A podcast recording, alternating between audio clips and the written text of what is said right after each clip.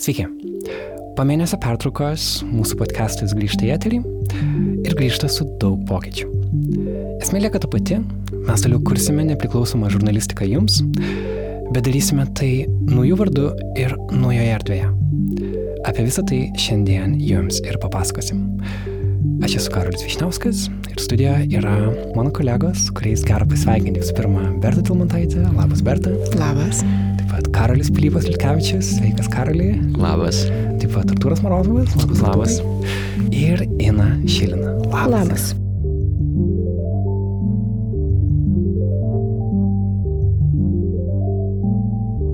Taigi, pradėkime nuo pradžių. Nuo pat įkūrimo mūsų organizacija buvo žinoma kaip Nanuk, o podcastas e, vardu Naila. Nuo šiandien oficialiai šios vardus keičiam, bet tai nėra tik vardo pasikeitimas, tai yra iš esmės atsinaujinimas. Reikia paaiškinti klausytėm turbūt abu šitos sprendimus ir jie abu tarpusavį yra susiję. Berta, tau kaip nuo pat pradžių buvusiai šitoje erdvėje, noriu perduoti žodį. Ir nežinau, tu gali pasirinkti, ar nori kalbėti apie pavadinimą, ar nori kalbėti apie platformą. Pirma. Pradėčiau gal nuo pačios idėjos ir nuo to, kas vyksta su erdve ir mūsų puslapiu, nes iš to po to ir randasi vardas. Pradėčiau gal nuo tokios minties, kur man vakar priminė, mm, žiūrėjau tokį video um, iš vieno iš mūsų projektų, kur, su kuriuo mes dirbam su komanda ir ten vienas žmogus sakė, kad um, jam svarbu gyvenime daryti tuos dalykus, kurie nori būti daromi. Ir man tai patvirtina, prim, prim, primena ir turbūt labai į, įžodina gerai tai, ką mes darom. Man atrodo, mes darom tai, kas nori būti daroma, ką reikia tiesiog daryti. Ir mes tam tikrą prasme esam įrankiai tam rastis ir vykti. Tai penkis metus mes turėjom platformą Nanuk, kuri prasidėjo nuo dokumentinių multimedijos pasakojimų. Didelios apimties, prieš, lygiai prieš tris metus prasidėjo e, Naila podcastas, vėliau atsirado Naila Ru e, podcastas ir e, natūraliai atrodo, kad ta inercija auga ir didėja ir mums tiesiog neužtenka tos erdvės, kurią mes turim. Ir reikia naujų namų, naujos vietos, kuri nuo dabar ir atsiranda. Ir ta senoji senasis puslapis kaip kažkoks išauktas rūbas tiesiog nebe, nebetinka. Ir per paskutinius metus, ką mes darėm ir kam daugiausiai skiriam dėmesio, tai būtent tos naujos erdvės sukūrimui, kuri nuo dabar startuoja naujų vardu. Ir nors vardas yra Nara. Nara, taip. Dvi pirmos raidės lieka tokios pačios, um, bet Nara nėra Nanuk, Nara nėra Naila. O kas Nara yra? Mm. Ir aš gal tiesiog trumpai pasakysiu dar apie tą pavadinimo pasikeitimą ir tai, kad pradžiai mes Artūrų, kai dviese pradėjom viską daryti ir ieškojom tą pavadinimą, jisai radosi iš to siekio, lūkesčio galbūt, tikslo, galvojant apie tai, ko mes norim, galvojant apie viziją Ir iš esmės tas pavadinimas radosi tos tokioj tuščioj vietoj, baltam lape, kuris turėjo prasminti mūsų kažkokį, mūsų idėją. Kito tarpu dabar su Stefanijos Ekštytas pagalba mes pavadinimą tarsi traukiam ir kūrėm iš to, ką mes jau esam padarę, pridėdami naujas vizijas ir naujus lūkesčius ir naujus norus. Tai net nėra kažkokio vieno tikslaus paaiškinimo, kas yra nara ir kodėl yra nara, yra labai daugybė priežasčių, bet man atrodo, kad iš to, iš mūsų tos naujos erdvės ir mūsų darbo tos priežastis kažkaip atsiskleis visiems ir e, taps aiškios. Jo, ar turbūt reikia e, žmonėm, kurie, nežinau, ką nanuk reiškia, nes tų, tų žmonių, kurie prisijungia vėliau, um, visą šitą pavadinimą prieš istoriją galbūt ir nebuvo pasiekusi. Tai buvo aluzija į filmą Nanook of the North, kuris buvo pirmasis dokumentinis filmas techniškai ne visai dokumentinis, bet kino istorijos yra laikomas tokiu pionier, filmų pionieriumi. Ir jūsų su Artūru idėja prieš penkis metus irgi buvo tą pionieriškumą kažkaip perkelti į lietuvišką kontekstą, kad tai, ką jūs darėte savo multimedijų istorijom, pavyzdžiui, projektas Vienodas dienos apie panevežę moterų pataisos namus, tai buvo pionieriškas projektas Lietuvos žurnalistikos erdvėje. Pionieriškas, ne Lietuvoje žodis pionieriškas, tai dar ir ta tokia sovietinė prasme. Tai ne, pionieriškas ta prasme, kad pra, mm, pradininkas, ar ne? Tas ir, tar... ir ta esmė, kad mm, kažkaip norėjom kurti ir daryti tai, ko mums patiems trūksta ir ko trūksta čia šitoj e, žurnalistiniai e, lietuviškai erdvėjai. Mm.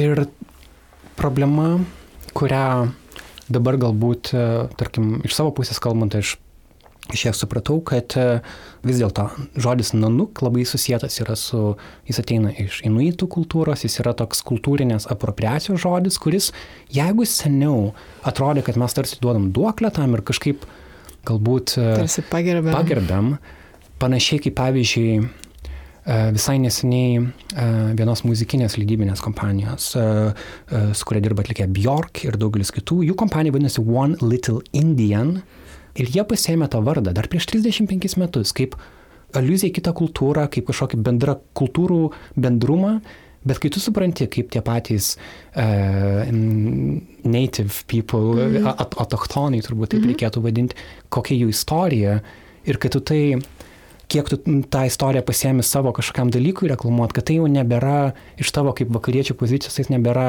nebėra gerai.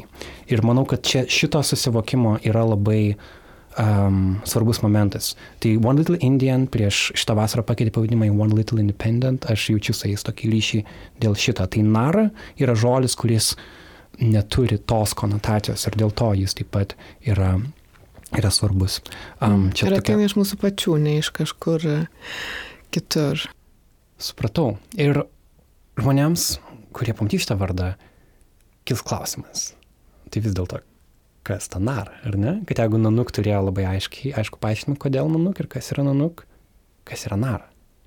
Nar yra visi mes, e, visi mūsų darbai ir mūsų tikslai į priekį ir vieno konkretaus paaiškinimo neturi, turi galbūt daug mažesnių, kurių nemanau, kad reikėtų aiškinti, nes auditorija turėtų susikurti savo kažkokį pajutimą ir suvokimą apie tai, kas ta nara kiekvienam iš jų bus. Ar turi kas, kas tau yra Nara? Man patinka, kad e, Nara yra vardas ir krūvis, kurį dar reikia įkraut, pripildyti ir nepaisant to, kad jis jau stovi ant kažkokio gana tvirto pamato, bet e, šį vardą kartu su visa bendruomenė mes užauginsim, atrodo, ir, ir, ir kiekvienam tas vardas gali skambėti kitaip. Ir tam yra žavesys.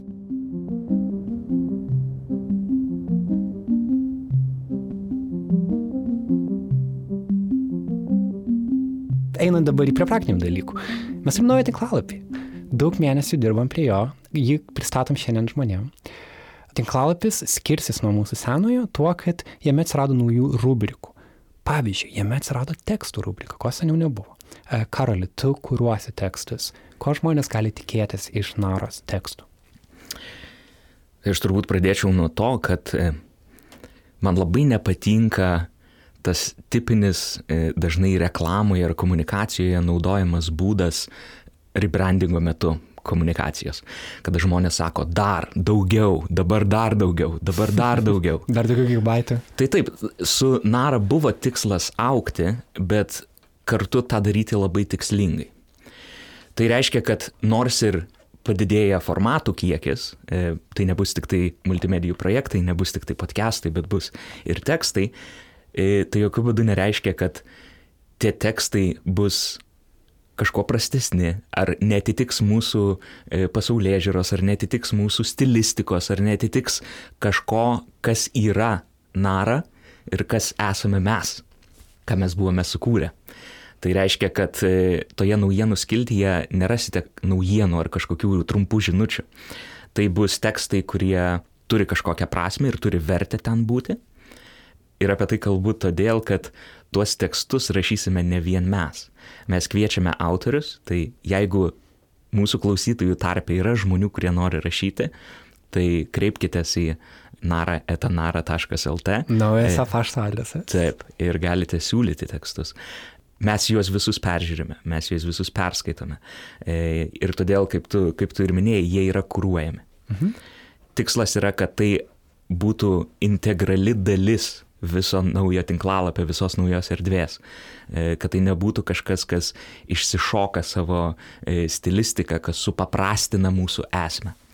Ir kartu kitas dalykas, kuris labai svarbus su šia skiltimi, yra tai, ko mes seniai siekiame, tai ugdyti kažkokią bendruomenę, kad tas turinys nebūtų kuriamas vien mūsų, kad jis ne, neatsirastų vien iš šešių, žinai, e, šešių, penkių žmonių, kad tas turinys atsirastų ir iš e, aplinkos, kad tai būtų ir mūsų klausytojų, ar galbūt tiesiog mūsų autorių turinys. Hmm. ir kartu su jais pradėti kurti kažkokią, bendruo, kažkokią bendruomenę e, su, su bendruomeniškom viltim.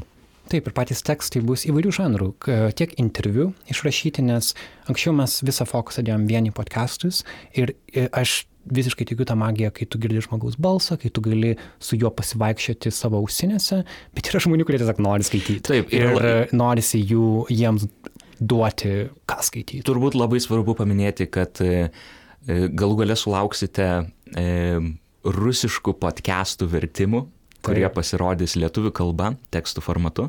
E, sulauksite interviu, galėsite rasti nuomonės tekstus, e, galėsite rasti kažkokius straipsnius, kurie yra ilgesni. E, visose tose straipsniuose taip pat jausis ta mūsų stilistika, kai kalbame apie e, sprendimų žurnalistiką, kuri mums visuomet buvo svarbi, kad tai nebūtų tiesiog e, kažkoks temos pristatymas, bet kartu ir, e, ir, ir galimų kažkokių sprendimų apžvalga. Tai taip. Taip, taip pat nuomonės tekstai. Ko irgi mes anksčiau nedarėm, kad jeigu tu turi nuomonės tekstą, um, tu gali jį pas mus publikuoti. Viena sąlyga, labai svarbi sąlyga, kad tu negali tiesiog sakyti nuomonės neparemtos faktais. Kuo, ką mes norim užtvirtinti, kad viskas turi būti faktiškai pagrysta, kad nuomonė yra tvarkoja, bet nuomonė gali būti nuleista iš oro.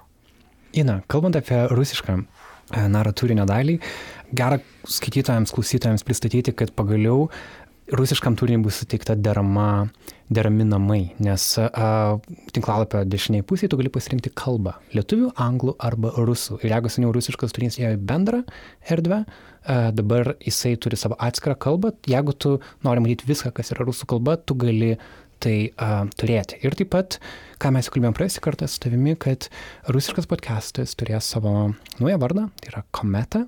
Ir Baltarusijos įvykių kontekste Kometos reikšmė yra labai išaugusi. Tu ją kūruoji, kokie yra tavo planai su ją ir kaip tu pati dabar jau vertini dabartinį įdirbį, ko, ką, ką gali žmonėm perduoti. Nu, aš nesutikčiau, nesutikčiau, kad prieš tai buvo nederami namai. Man ir ten, ten buvo viskai, viskas. O, ir man derama. irgi buvo labai gerai. Bet, Tiesiog dabar- kartu. taip.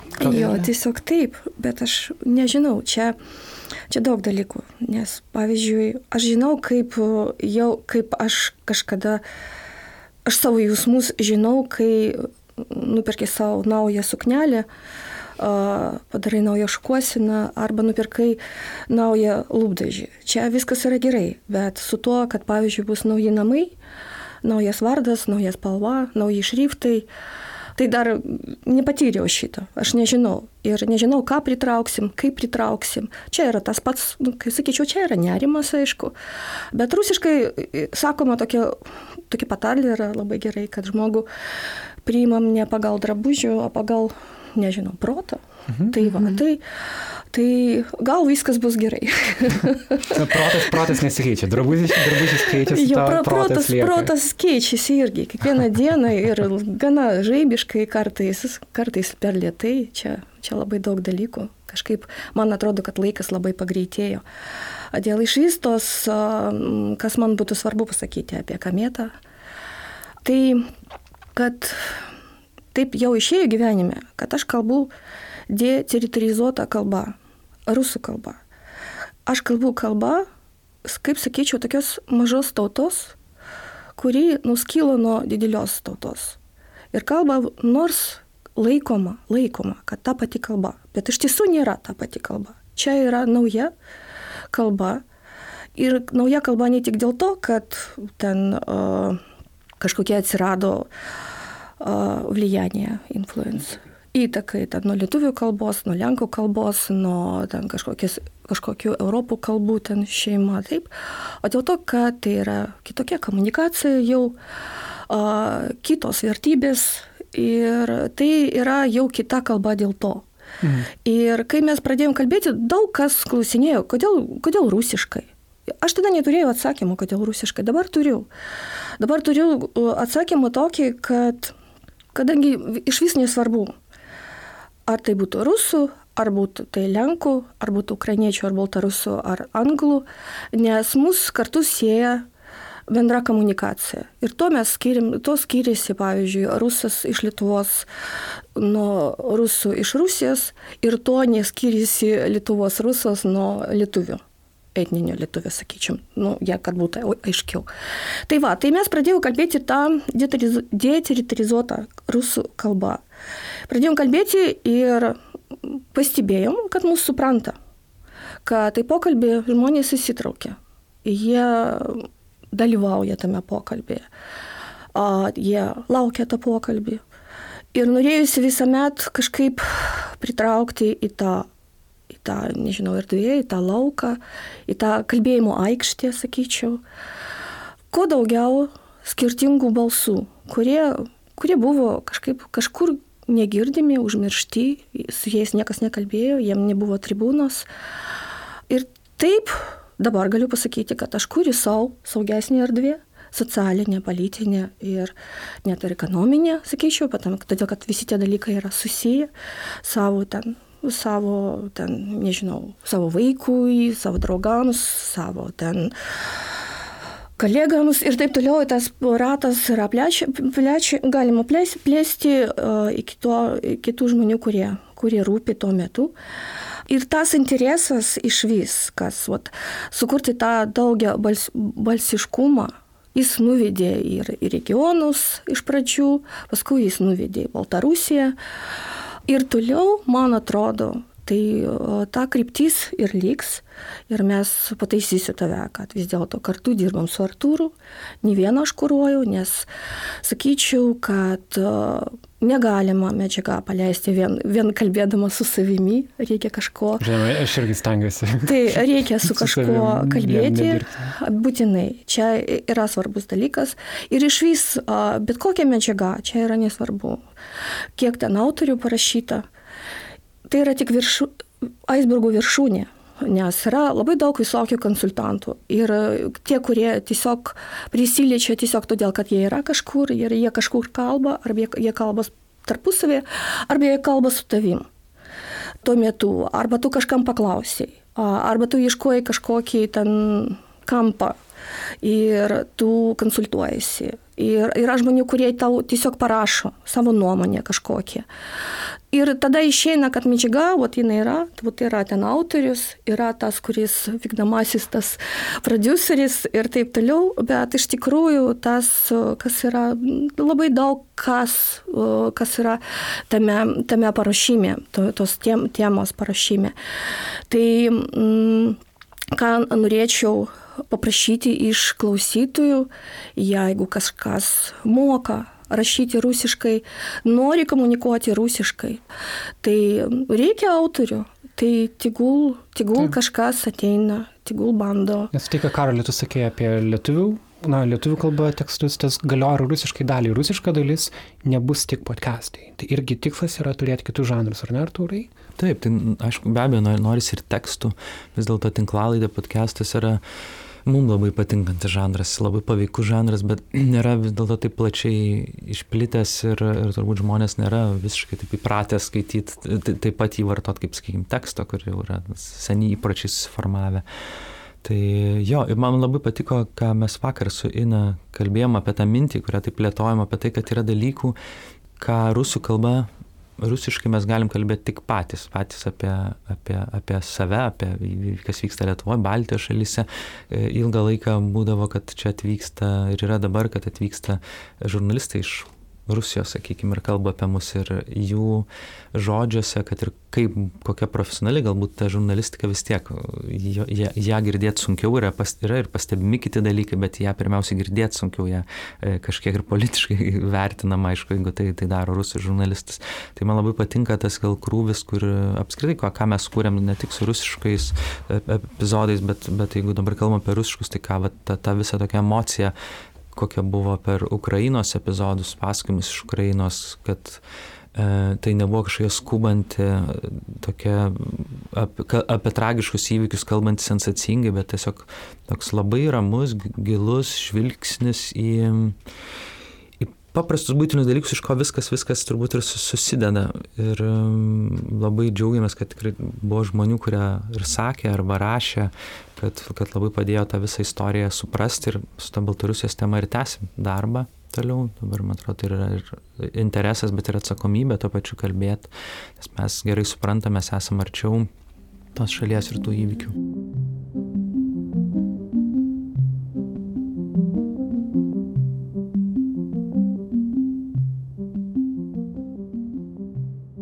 Einant per naujienas, kurios yra tinklalapį, taip pat atsirado viena, um, vienas formatas, kuris yra galbūt mažiau pažįstamas Lietuvoje, tai yra foto istorija, Berta, tu jį kūruosi.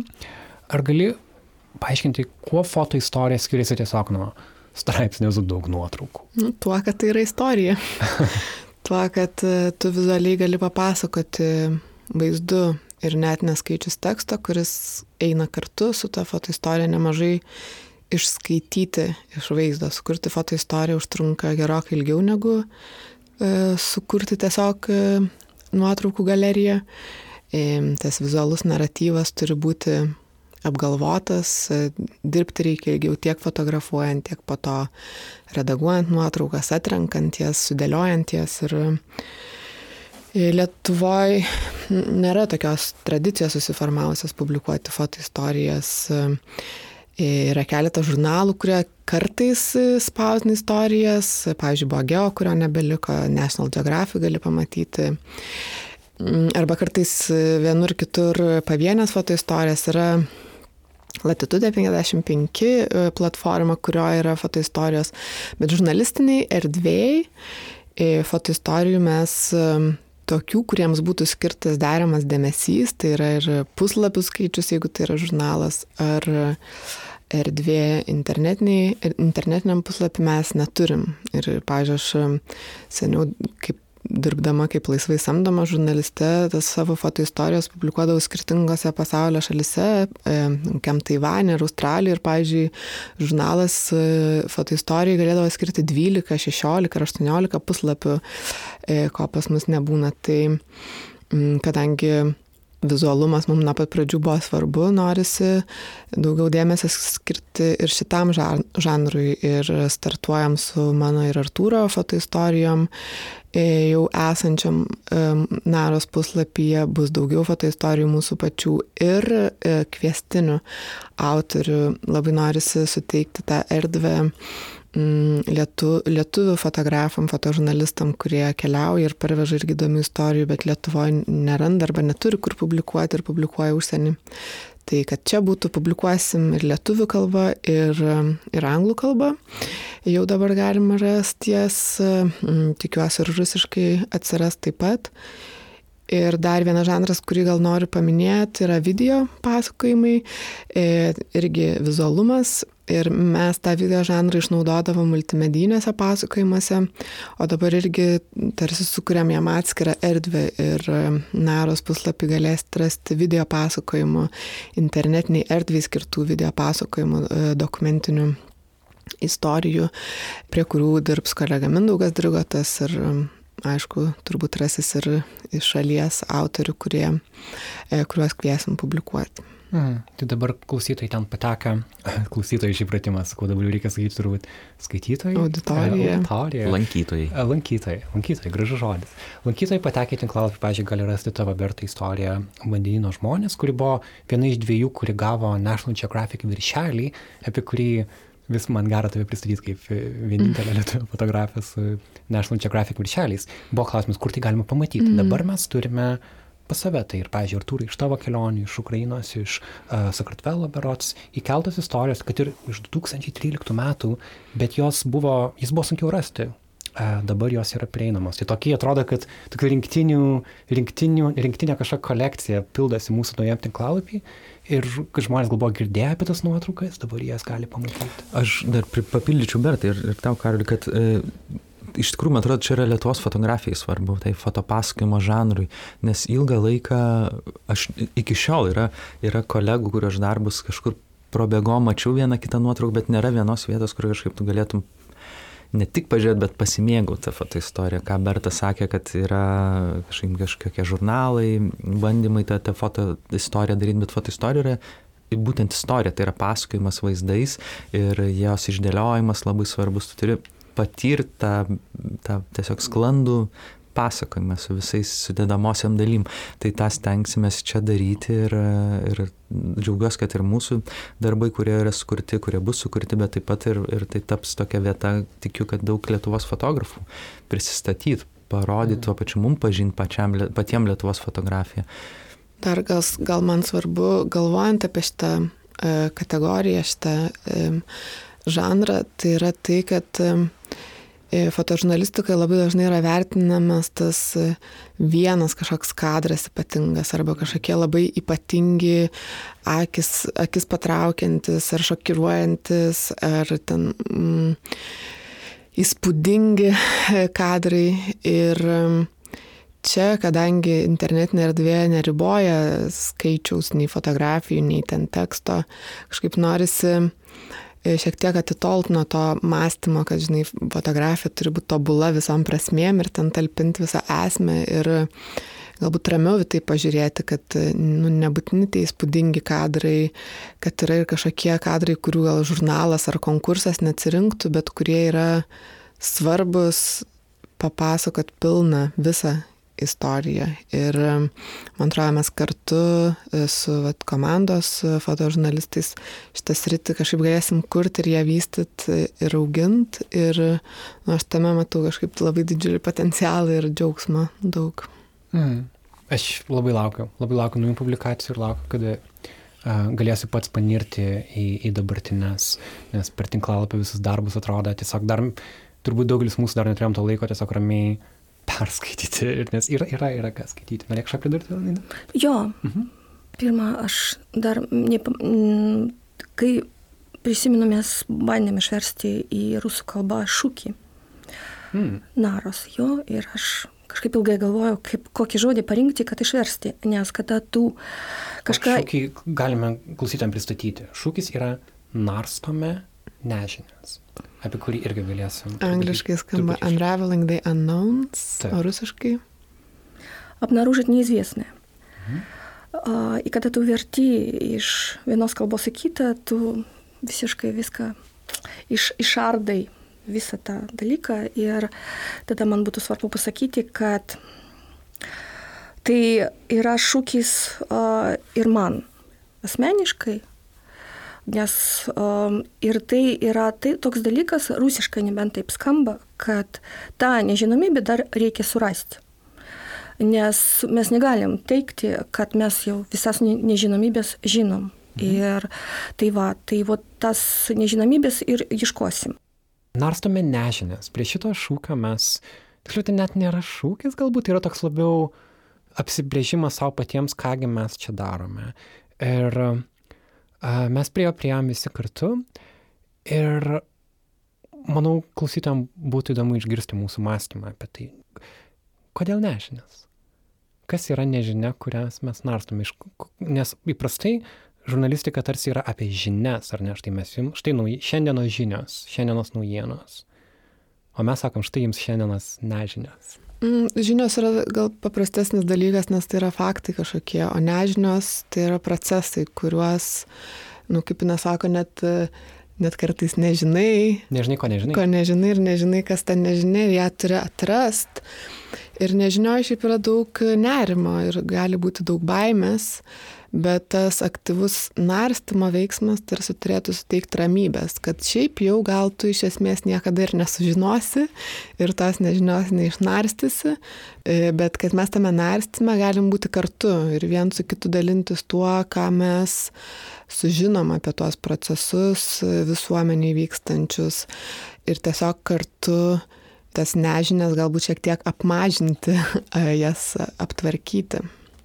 Man atrodo svarbu, kad nereikia aiškinti nežinių visų, reikia, jo turbūt ir jas reikia dekonstruoti, atkreipdėmėsi jas ir, ir labai žurnalistikoje daug yra aiškinimo ir ekspertiškumo, kas man patinka mūsų, kuriame turim ny, kad mes uh, yra tas, tas sprendžiamosios žurnalistikos akcentas, kur gal pasiūlomi kažkai, ieškomi kažkokie sprendimai, bet, bet uh, man atrodo, čia svarbi būtent ta pati nežinia į ją dėmesį atkreipti ir, ir paskatins malsumą, norą ją pažinti, bet nepaimti nežinę, ją išnarstyti ir sakyti, kad va čia yra visi atsakymai. Ir čia vienos raidės toks skirtumas, va neaiškinti, bet aiškintis hmm. visiems kartu, pripažįstant, kad iš esmės nieks nežino nieko ir nieks niekame nėra ekspertas arba um, visažinis, bet kad kartu aiškintis mes tą galim ir vieni kitiem parodyti galbūt skirtingas perspektyvas ir taip papildyti suvokimą ar supratimą kažkokio dalyko.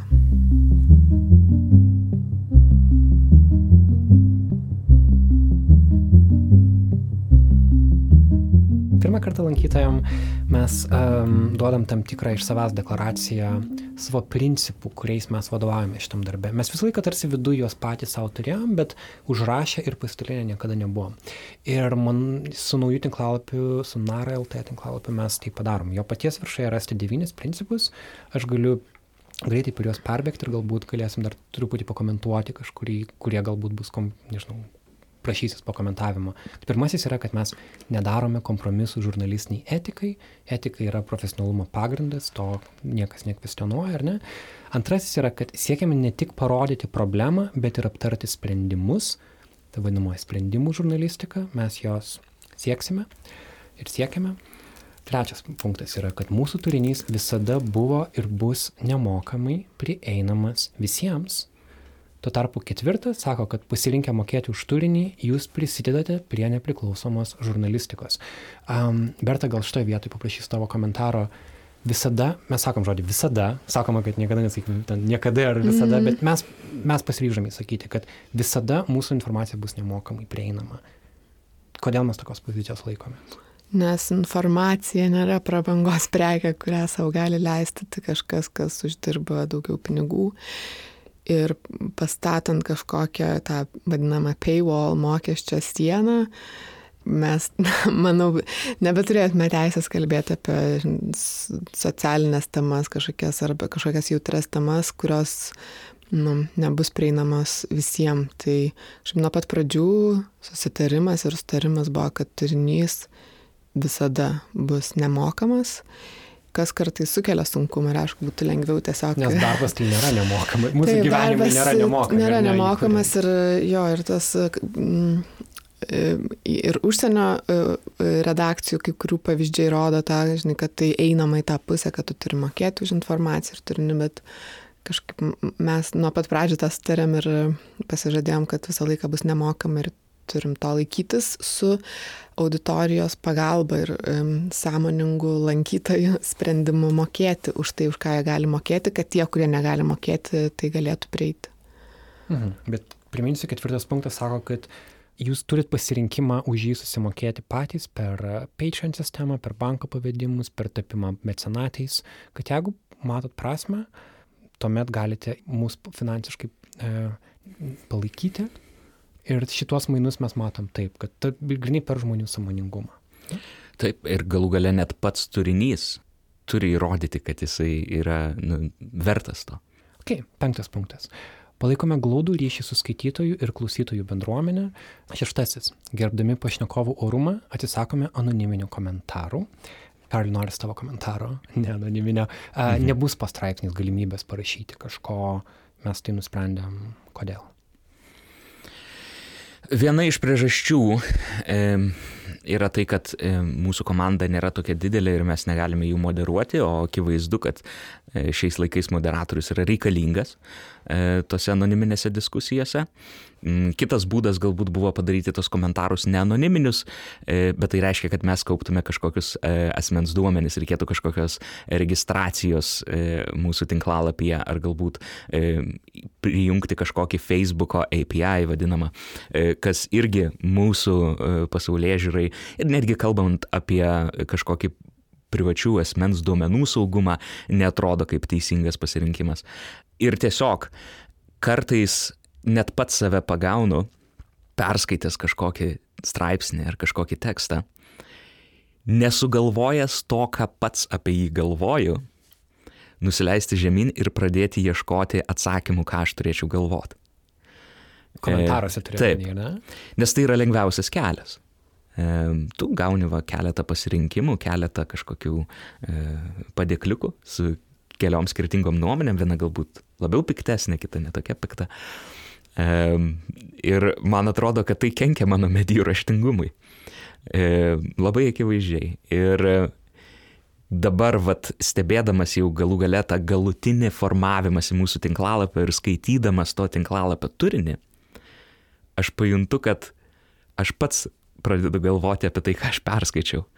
Kas man e, kurį laiką mane patį nustebino, nes aš to nerasdavau kitur ypač socialiniuose tinkluose, ar, e, kur iš vis nu, neperskaitai teksto, perskaitai tik antraštį ir iš karto matai nuomonę žmonių.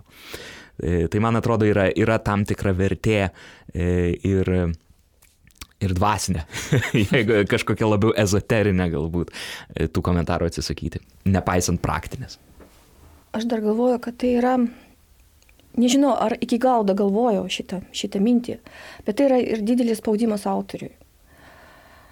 Nes bet kada, bet kas gali kažką pasakyti uh, apie, apie kažką. Tai ir kaip žurnalistui, kaip ir yra pareiga atsakinėti. Bet tai yra irgi, tai kelia ir nerima, ir papildomą pareigų šiaip tok, to, tokie dalykai. Nes jeigu tu kažkas kelbi Facebook'e, čia ten, ten kitos, kitos, kitos taisyklės, taisyklės tu supranti, kad kažkas taip. gali komentuoti. O kada tu darai kažkokį tekstą, vat aš tai vat, virčiu, virčiu, kad tai jaučiu, kad tai gal spaudimas yra toks.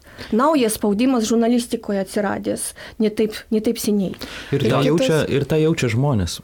Mane kartą teko iš kažkokių pašnekovų socialinės atskirties temoje girdėti, sako, aš papasakočiau, bet, ai, žinot, ne, tie visi komentarai, žmonės to bijo irgi. Ir tai yra kažkoks papildomas bereikalingas jo, įtampa. Mm, nes po to pirmo projekto, kurį mes darėm vienodas dienos, tada vat ir buvo tas sprendimas primtas komentarų nedėti, nes mes jau esam ne tik, kad mum gali kelti kažkokią įtampą ir atsakomybę, bet tiem žmonėm, kurie yra, apie kuriuos kalbam, su kuriais kalbam. Ir jeigu mes galim nuspėti tos galimus spaudimus ir situacijas, tai tie žmonės nebūtinai visą laiką gali suvokti, kas yra komentarai, ką jie reiškia, kokie jie gali būti ir panašiai. Tai čia yra ir atskaitomybė prieš tos, tuos žmonės, kuriuos mes kalbinam. Ok, liko dar trys punktai. Septintasis sako, kad esame nepriklausomi nuo politinių partijų ir jų įtakos. Turbūt kuo labiau mūsų platforma auks, tuo labiau žmonės ieškos kažkokių slaptų šešėlinių sustarimų, jie yra laisvi tai daryti, bet mes, mes deklaruojam, kad mes esame nepriklausomi ir mes to vadovaujamės. Aštuntas punktas. Nepriimame reklamos pinigų iš neatsakingų darbuotojus išnaudojančių verslų. Čia vertus prasti, kad reklama naujame tinklalapyje pirmą kartą reklamos skydelis bus. Jis net, ne, neatsiras jūsų kompiuterio ekrane, nepradės šaukti ten, paspauskite mane, bet jis bus. Bet mes neprimam reklamos iš bet ko. Taip, ir iš karto turbūt gali kilti klausimas, aha, nepriimat reklamos iš bet ko, kokius jūs turit saugiklius tą dalyką patikrinti. Yra priežastis, kodėl mes taip užrašėme tą punktą. Lietuva nėra didelė, kurioje yra dideli verslai, e, kurie turi labai akivaizdžių problemų kartais. tačiau jų pinigų neatsisakoma, nes Lietuva nu, nedidelė. Nes e, economy of scale nėra didelis ir dažniausiai visi e, dirba tarpusavį ir yra kažkaip susiję. Per pastaruosius metus jau galima rasti trys įmonės, su kuriamis tikrai nedirbsime.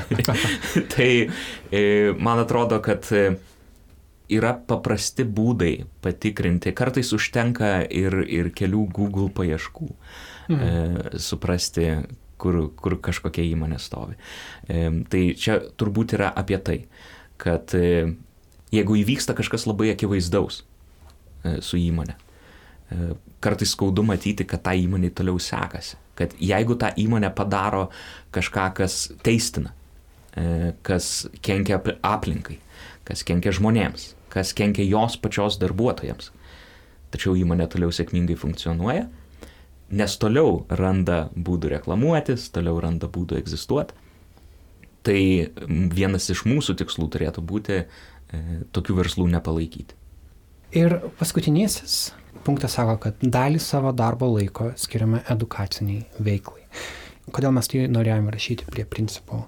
Nes edukacija nuo pat pradžių buvo nunuk e, viena iš veiklų, ar ne? Um, mes to netisakom. Nepaisant viso augimo, edukacija lieka svarbi darbo dalis.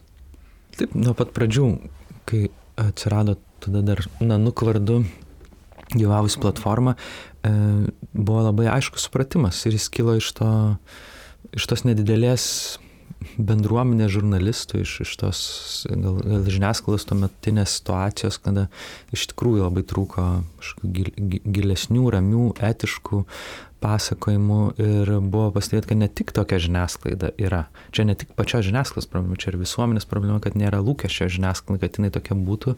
Ir man atrodo, Lietuvoje ilgą laiką daug žmonių tiesiog nelabai ir suprato ir iki šiol turbūt nelabai supranta, ko, gali, ko reikia tikėtis ir reikalauti žurnalisto, kokia, jinai, kokia žurnalistika turi būti. E, tai labai keičia, aišku, E, žmonės mokantis angliškai ar, ar kitas kalbas skaitantis kitą kalbą, sakykime, užsienio žiniasklaidą, vakarų žiniasklaidą.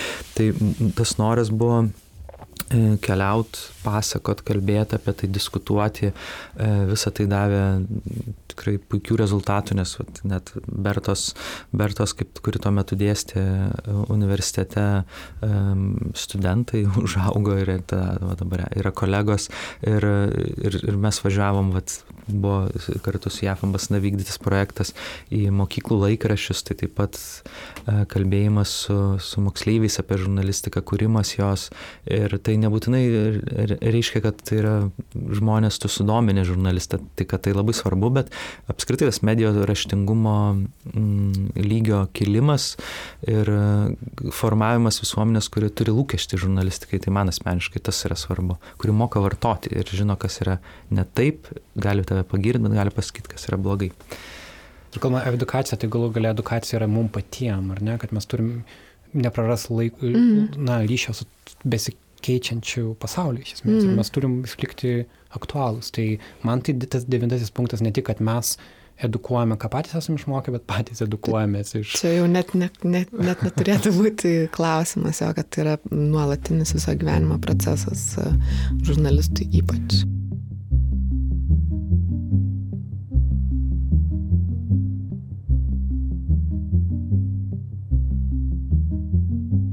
Tvarkoj, tai visai pabaigai, galbūt galime mūsų klausytojams perduoti, prie ko jūs dabar šiuo metu patys dirbate ir ką greitų laikų publikuosite jau NAR LT adresu, ko jie gali dabar tikėtis. Taip, tai mm, dabar kuriam tokią medžiagą, kuri vėl apie Baltarusiją, bet šį kartą apie Baltarusių moteris. Tai bus dabar planuojami keturi interviu. Vienas iš jų su Svetlana Cechanovskaja, antras uh, su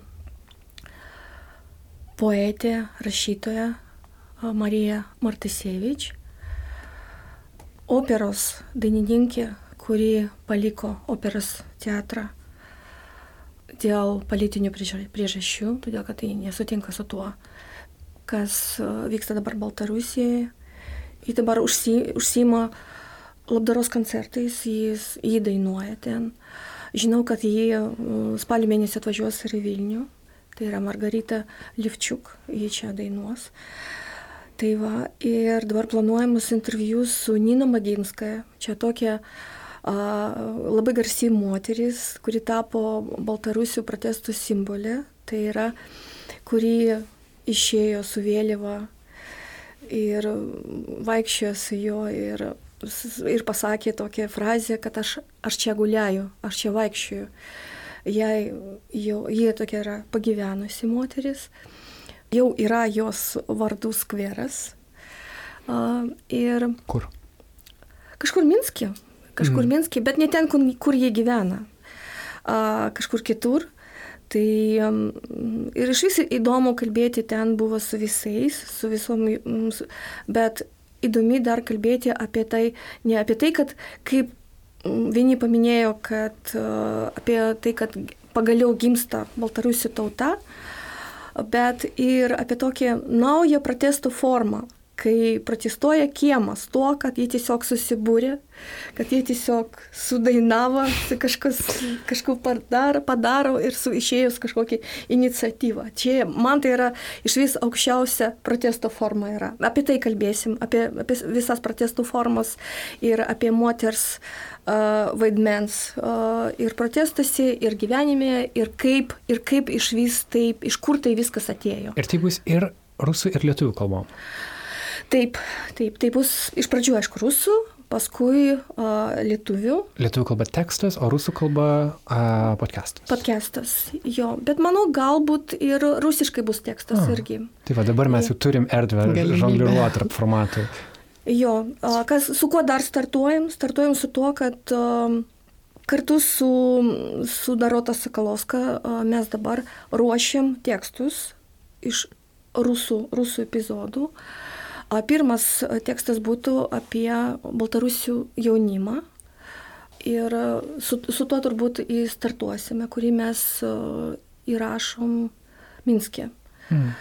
Tai va, o paskui jau po eiliui mes leisim visus, tekstais leisim visus epizodus iš Baltarusijos ir dar tai, kas labiausiai gal įsiminė ir buvo prašoma išversti į lietuvių kalbą. Taip, ir Darota gali klausytai prisiminti iš e, epizodo apie Lietuvos Lenkus, ji buvo viena iš pašnekovių, tuo metu dar buvo berots moksleivė ar pirmakursė studentė ir dabar gerą matysite tranziciją, kaip žmogus iš pašnekovo tampa ir bendradarbiu ir kad kuriama bendruomenė Ir taip. Aš dar, dar ko noriu pasidžiaugti, bet tuo, ką Gina minėjo, kad man atrodo, bus ir toks naujas žanras rašytinis podcastas, nes e, aš pradėjau skaityti va, tą būtent pirmąjį, kurį na paminėjo ir ten yra, pavyzdžiui, rašyta, kokia muzika groja ir jinai išversta, yra parašyta, kas kalba, kokie žmonės, ką pasako, kas, žodžiu, kad tu gali ir čia yra toks mūsų siekis gal nuo pradžių buvo, kad visa auditorija galėtų vartoti mūsų turinį, kai tuo tarpu, pavyzdžiui, podcastas yra šiek tiek diskriminuojantis negirdinčiuosius ar ne ir dabar,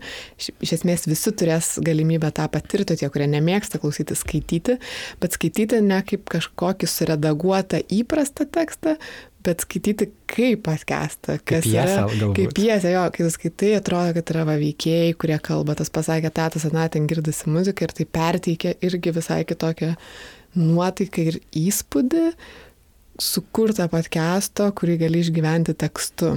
Ir man atrodo, kad net perklausus įdomu bus paskaityti arba paskaičius paklausyti mm. ir mhm. išgirsti balsus. Tai tos medžiagos ne tai, kad atkartos, bet papildys, man atrodo, viena kitą. Jo, bet vis tiek tai yra skirtingos medijos. Mm, tai jo, jo. jo, jo, jo.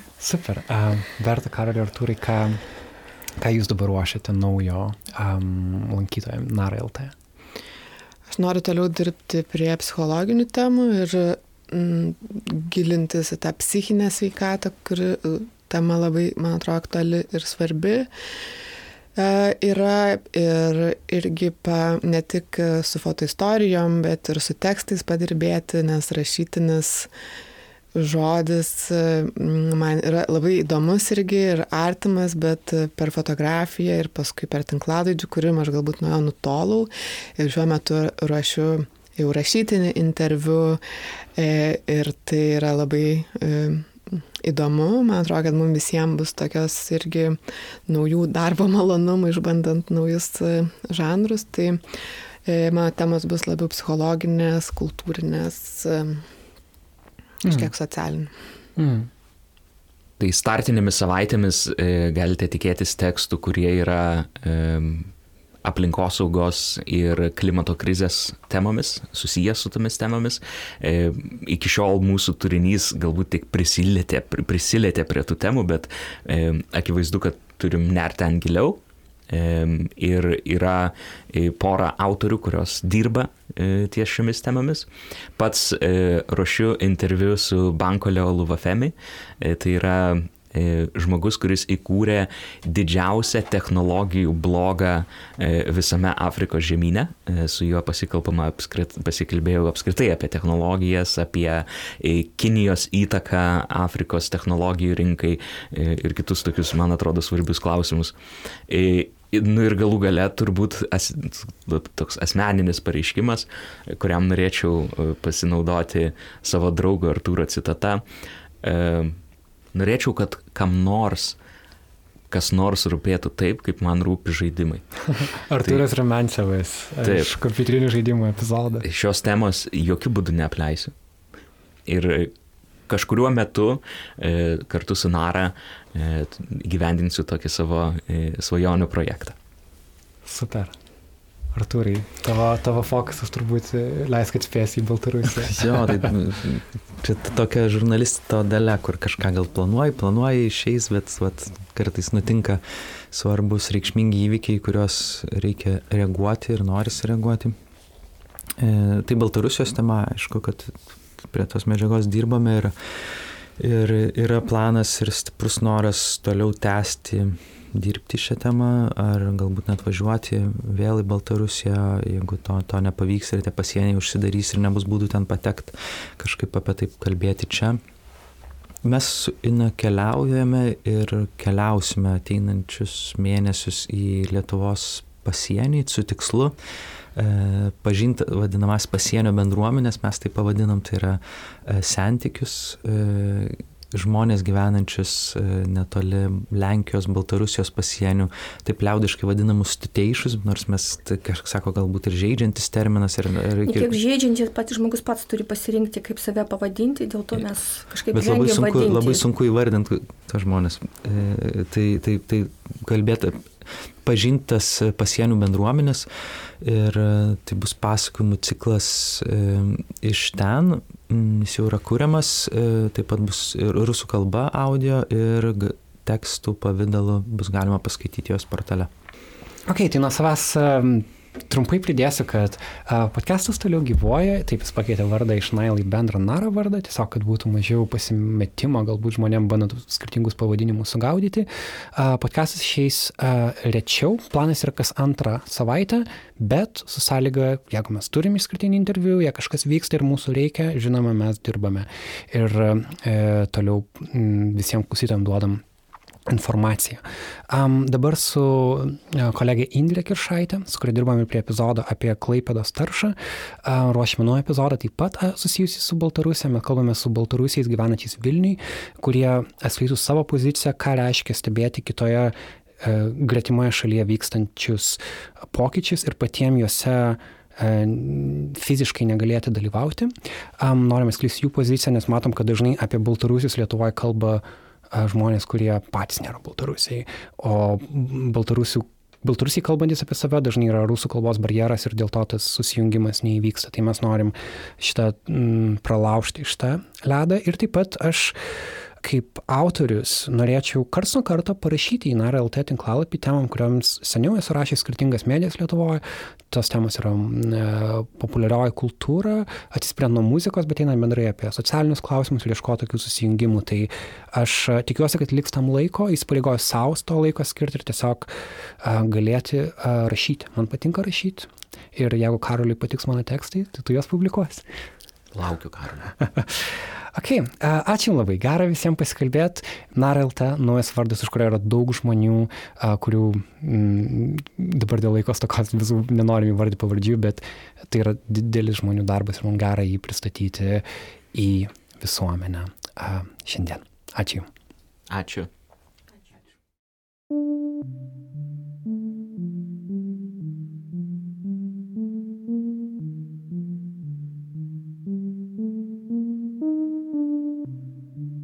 Prie NARA platformos sukūrimo dirba žmonės, kurių pagalbos mums reikėjo.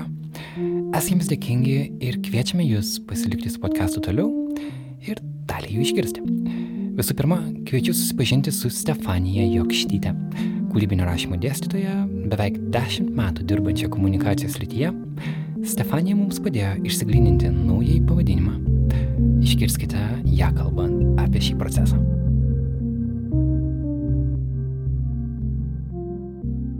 Visų pirma, galiu pasakyti, kad su kiekviena įstaiga, kontora, kolektyvų darbas dažniausiai būna unikalus, jis nesikartoja. Tai šiuo atveju taip pat jisai, aišku, buvo išskirtinis. Bet e, pirmas išskirtinumas turbūt buvo dėl asmenybių koncentrato, su kuo, kai pasikvietė mane prisijungti, aš supratau, kad reikės dirbti. Aš labai gerbiu ir labai didžiuojuosi nanų kolektyvu ir e, visi jo nariai iš tikrųjų yra mano galva, labai labai kūrybingos ir profesionalios asmenybės. Tad e, turbūt tai ir atrodė šiek tiek iššūkis. Bet kai susipažinom, pradėjom dirbti, tai um, aš labai apsidžiaugiau ir supratau, kad labai faina, kad galėsiu padėti šiam kolektyvui kaip vedlė praeiti kelią ir surasti savo pavadinimą. Reiškia, nereikės man sugalvoti jam įpiršti kažkokio pavadinimo, o pravesiu su jais kelią ir kartu mes galėsime atrasti tą pavadinimą, kuriuo jie nori pavadinti savo kūrinį. Pats procesas buvo, kad aš siūliau daug skirtingų įvairių pavadinimų, kol galiausiai supratom, kad e, visas kolektyvas e, buvusių nanukai yra e, labai glaudžiai su filologija, su žodinė raiška, vizualinė raiška ir supratom, kad vis tik pavadinimą jie kažkur patys savo sąmonėje slepia ir mums tik reikia jį atrasti. Tai tada kūrybinių dirbtuvių metu mes e, formulavimus, ieškojom, dėliojame savo tokius rėmus ir bandėm atrasti tą pavadinimą. Ir aš labai džiaugiuosi šio pavadinimu, nes man atrodo, kad naras skamba labai didingai, labai tvirtai, it, it, it, it, kokia dievybė. Bet uh, niekieno kito, o pačio kolektyvo sugalvota ir prisijaukinta.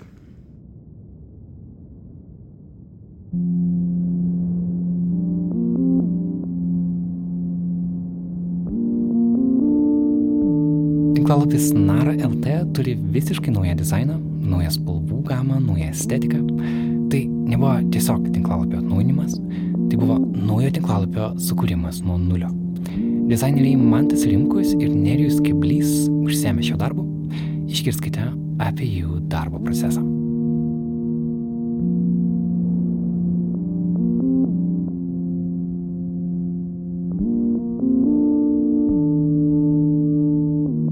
Tai aš Mantas Rimkus, grafikos dizaineris ir mano kolega Nerijus Keblys. Grafikos dizaineris. Taip pat grafikos dizaineris.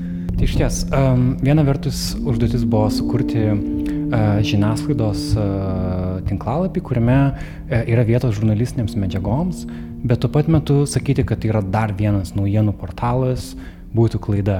Tai yra kažkoks kitas kūnas. Tai kaip jūs patys atsakytumėt, NARLT, kas dabar, um, kuo tai skiriasi nuo kitų uh, žurnalistinių tinklalapių Lietuvoje ar bendrai tarptautinėje erdvėje? Man atrodo, kad mes kažkaip tai pagal patį turinį bandėm suprasti, kaip jį kuo geriau pateikti. Ir galbūt e, kartais kažkokie tai standartiniai sprendimai šiuo atveju e, netiko ir mes tiesiog norėjom, nu, elementariai, pavyzdžiui, fotografiją pabrėžti, nes jūsų atveju jinai yra visa autorinė ir tai yra jūsų fotografija, fotografija ir jinai yra labai svarbi, tai tarkim buvo kažkokie galbūt nestandartiniai sprendimai priimti e, tam, kad turinys kažkaip tai e, būtų pateiktas taip, kad gerai atrodytų, e, gerai atrodytų medijomis, kurias jūs naudojatės. Tai tarkim fotografijos, jos niekada nebūna ne, nestandartinėse proporcijose, ant jų nebūna teksto, taip pat ir e, pagal turinio, kaip pasakyti, turinio vienetus, e, turinio vienetams buvo palikta daug erdvės, tai tarkim, kas galbūt nėra visai standartas E, kitose portaluose mes kažkaip nevengiam e, palikti tuščios erdvės ir suteikti daugiau fokuso į atskirus, į, į atskirą turinį, į fotografijas, tarkim. Ar visas gal puslapio sprendimas, kuo jisai tikrai skiriasi nuo naujienų portalo ir dabar netgi žiūrint į naują puslapį, sunku net jam gal priskirti tą žanrą tam tikrą, nes iš tikrųjų viskas buvo atsižvelgta į tai, tai kiek tų turinio vienetų galėtų atsirasti per savaitę. Ir pagal tai mes kažkaip tai sudarėm kažkokį scenarijų, kiek dažnai keisis ir, ir, ir, ir kaip sukurti tą, tą įspūdį, kad uh, kad puslapis atsinaujina, tarkim, per savaitę visas. Tai vat, visas tas turinio vienetai dėliojami taip, kad e, tas pokytis vyktų. Tai nėra portalų, portalų kažkokia principas, kur tai yra be galo daug, daug triukšmo. Tai būtent apie tą, tą mes vadinam white space, bet uh, tai kažkaip labiau grafikai naudojamas terminas, bet iš, iš principo mums labai labai svarbu jisai. Uh, vien, vien dėl to, kad kurti šiek tiek tą kažkokią ramybę aplink tą turinį. Taip. Ir čia kalbant aplamai apie patį identitetą, mes kažkaip vengiam bereikalingų dekoracijų, viskas yra gan tiesmuka ir gan griežta, gal sakyčiau, iš tos pusės, kad yra naudojami keli principai ir jie griežtai naudojami tam, kad išlaikyti vientisumą Ir iš tikrųjų tas procesas, e, vėliau manau, kad identiteto labiau ir pasimatys, kai atsiras tam tikros skirtingos formos komunikacijos, bet e, man tai žavu į tai, kad prisiminus, man atrodo, Karolinė, su tavim, kai mes R, apie R raidę diskutavom pusvalandį. Ir labai retai taip įvyksta, kad gali skirti laiko ir, ir, ir kad, kad, kad klientas uh, tikrai nori pamatyti tą R raidę. Tai, Tai su tom ir žavus. Iš tikrųjų darbo įdėta daug. Manau, kad jisai kuo toliau, tuo labiau ir atsiskleis. Kas galiausiai laimėjo, tu ar aš kalbant apie R raidę? Mes laimėjome. ja. Čia iš tikrųjų laiko pareikalavo, kol mes patys šiek tiek supratome, kaip tas dizainas uh, kartu veikia su turiniu. Iš tikrųjų, mes turėjome ne vieną diskusiją ir mes galbūt irgi prireikė laiko suvokti tam tikras situacijas, kur negalima už, kur negalima užgošti kažkokiu drąsiu dizainu, nes turinys yra, pavyzdžiui, jautrus, o kur jau galima daugiau komunikuoti to, to principo. Tai vėl čia visai irgi toksai laikotarpėje geras procesas, kai, kai supranti iš tikrųjų tos specifikos, kur gal mes nelabai sudūrėm žurnalistikos ir, ir tam, tikrų tem, tam tikrų temų komunikaciją. Tai irgi padiktavo tam tikrą procesą ir, ir taisyklės, kaip elgtis. Tai svarbu, kad, kad identitetas, šiuo atveju buvo labai svarbu, kad identitetas būtų dinaminis ir labai prisitaikytų prie turinio. E, kartais kažką tai aiškiai labai ir tiesmukai komunikuotų, o kartais netrukdytų istorijai. Ačiū labai už visą šitą darbą, tikiuosi, kad, e, kad mūsų pažintis nesibaigs su juo nes um, dizaino elementų bus daugiau, bus Insta stories, bus įvairūs naujienlaiškiai, dar kažkas. Čia turbūt ir reikia žmonėms suvokti, kad dabartinėje dizaino pasaulyje neužtenka vieni klausimai, kur tai yra visas didelis paketas dizainų mažų, už kuriuos jūs irgi esate atsakingi. Tai uh, jo, gera dirbti kartu, ačiū labai. Mums pat, ačiū. Ačiū, smagu buvo. Ir bus.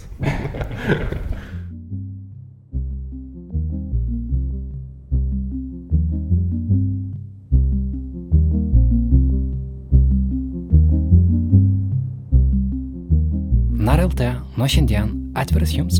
Kviečiame užeiti į šią erdvę, panaršyti joje, pasidalinti su tais, kam tai padaryti taip pat būtų įdomu. Ir sekite naujienas, sekite naujas žurnalistės medžiagas, kurios ten atsiras. Na, o mūsų podcastas toliau judės pirmin. Tik šį kartą po bendru naro vardu. Jums nieko dėl to nereikia daryti. Podcasto pavadinimas atsinaujins automatiškai visur, kur podcastų klausotės. Kaip girdite, Atsinaujinęs podcastas turi ir naują muziką. Jos autorius yra mūsų nuolatinis pamiltas kompozitorius Martinas Gailius. Kaip ir seniau, mums yra labai svarbus klausytojų prisijungimas ir investavimas į mūsų darbą finansiškai. Tai toliau darome per Patreon sistemą, bet jau naujų adresų patreon.com/naralt. Jeigu esate mūsų patronai iš anksčiau, viskas tvarkoje, nieko daryti nereikia, puslapis pasikeis automatiškai, visi jūsų ankstesni prisidėjimai ir visa sistema, prie kurios esate įpratę, ji liks ir toliau. lauksime jūsų nuomonių, kaip jums patinka naujoje erdvėje. Taip pat, kokias temas podcast'e ir nara tinklalapyje norėtumėte, kad liestume. O gal jūs pats norite tai daryti ir norite mums parašyti kaip autorius ar autorė. Susiekime nara.nara.lt ir kurkime nepriklausomą žurnalistiką kartu. Kol kas tiek. Ačiū, kad buvote su mumis. Mano vardas yra Karolis Višniauskas. Iki kito antradienio.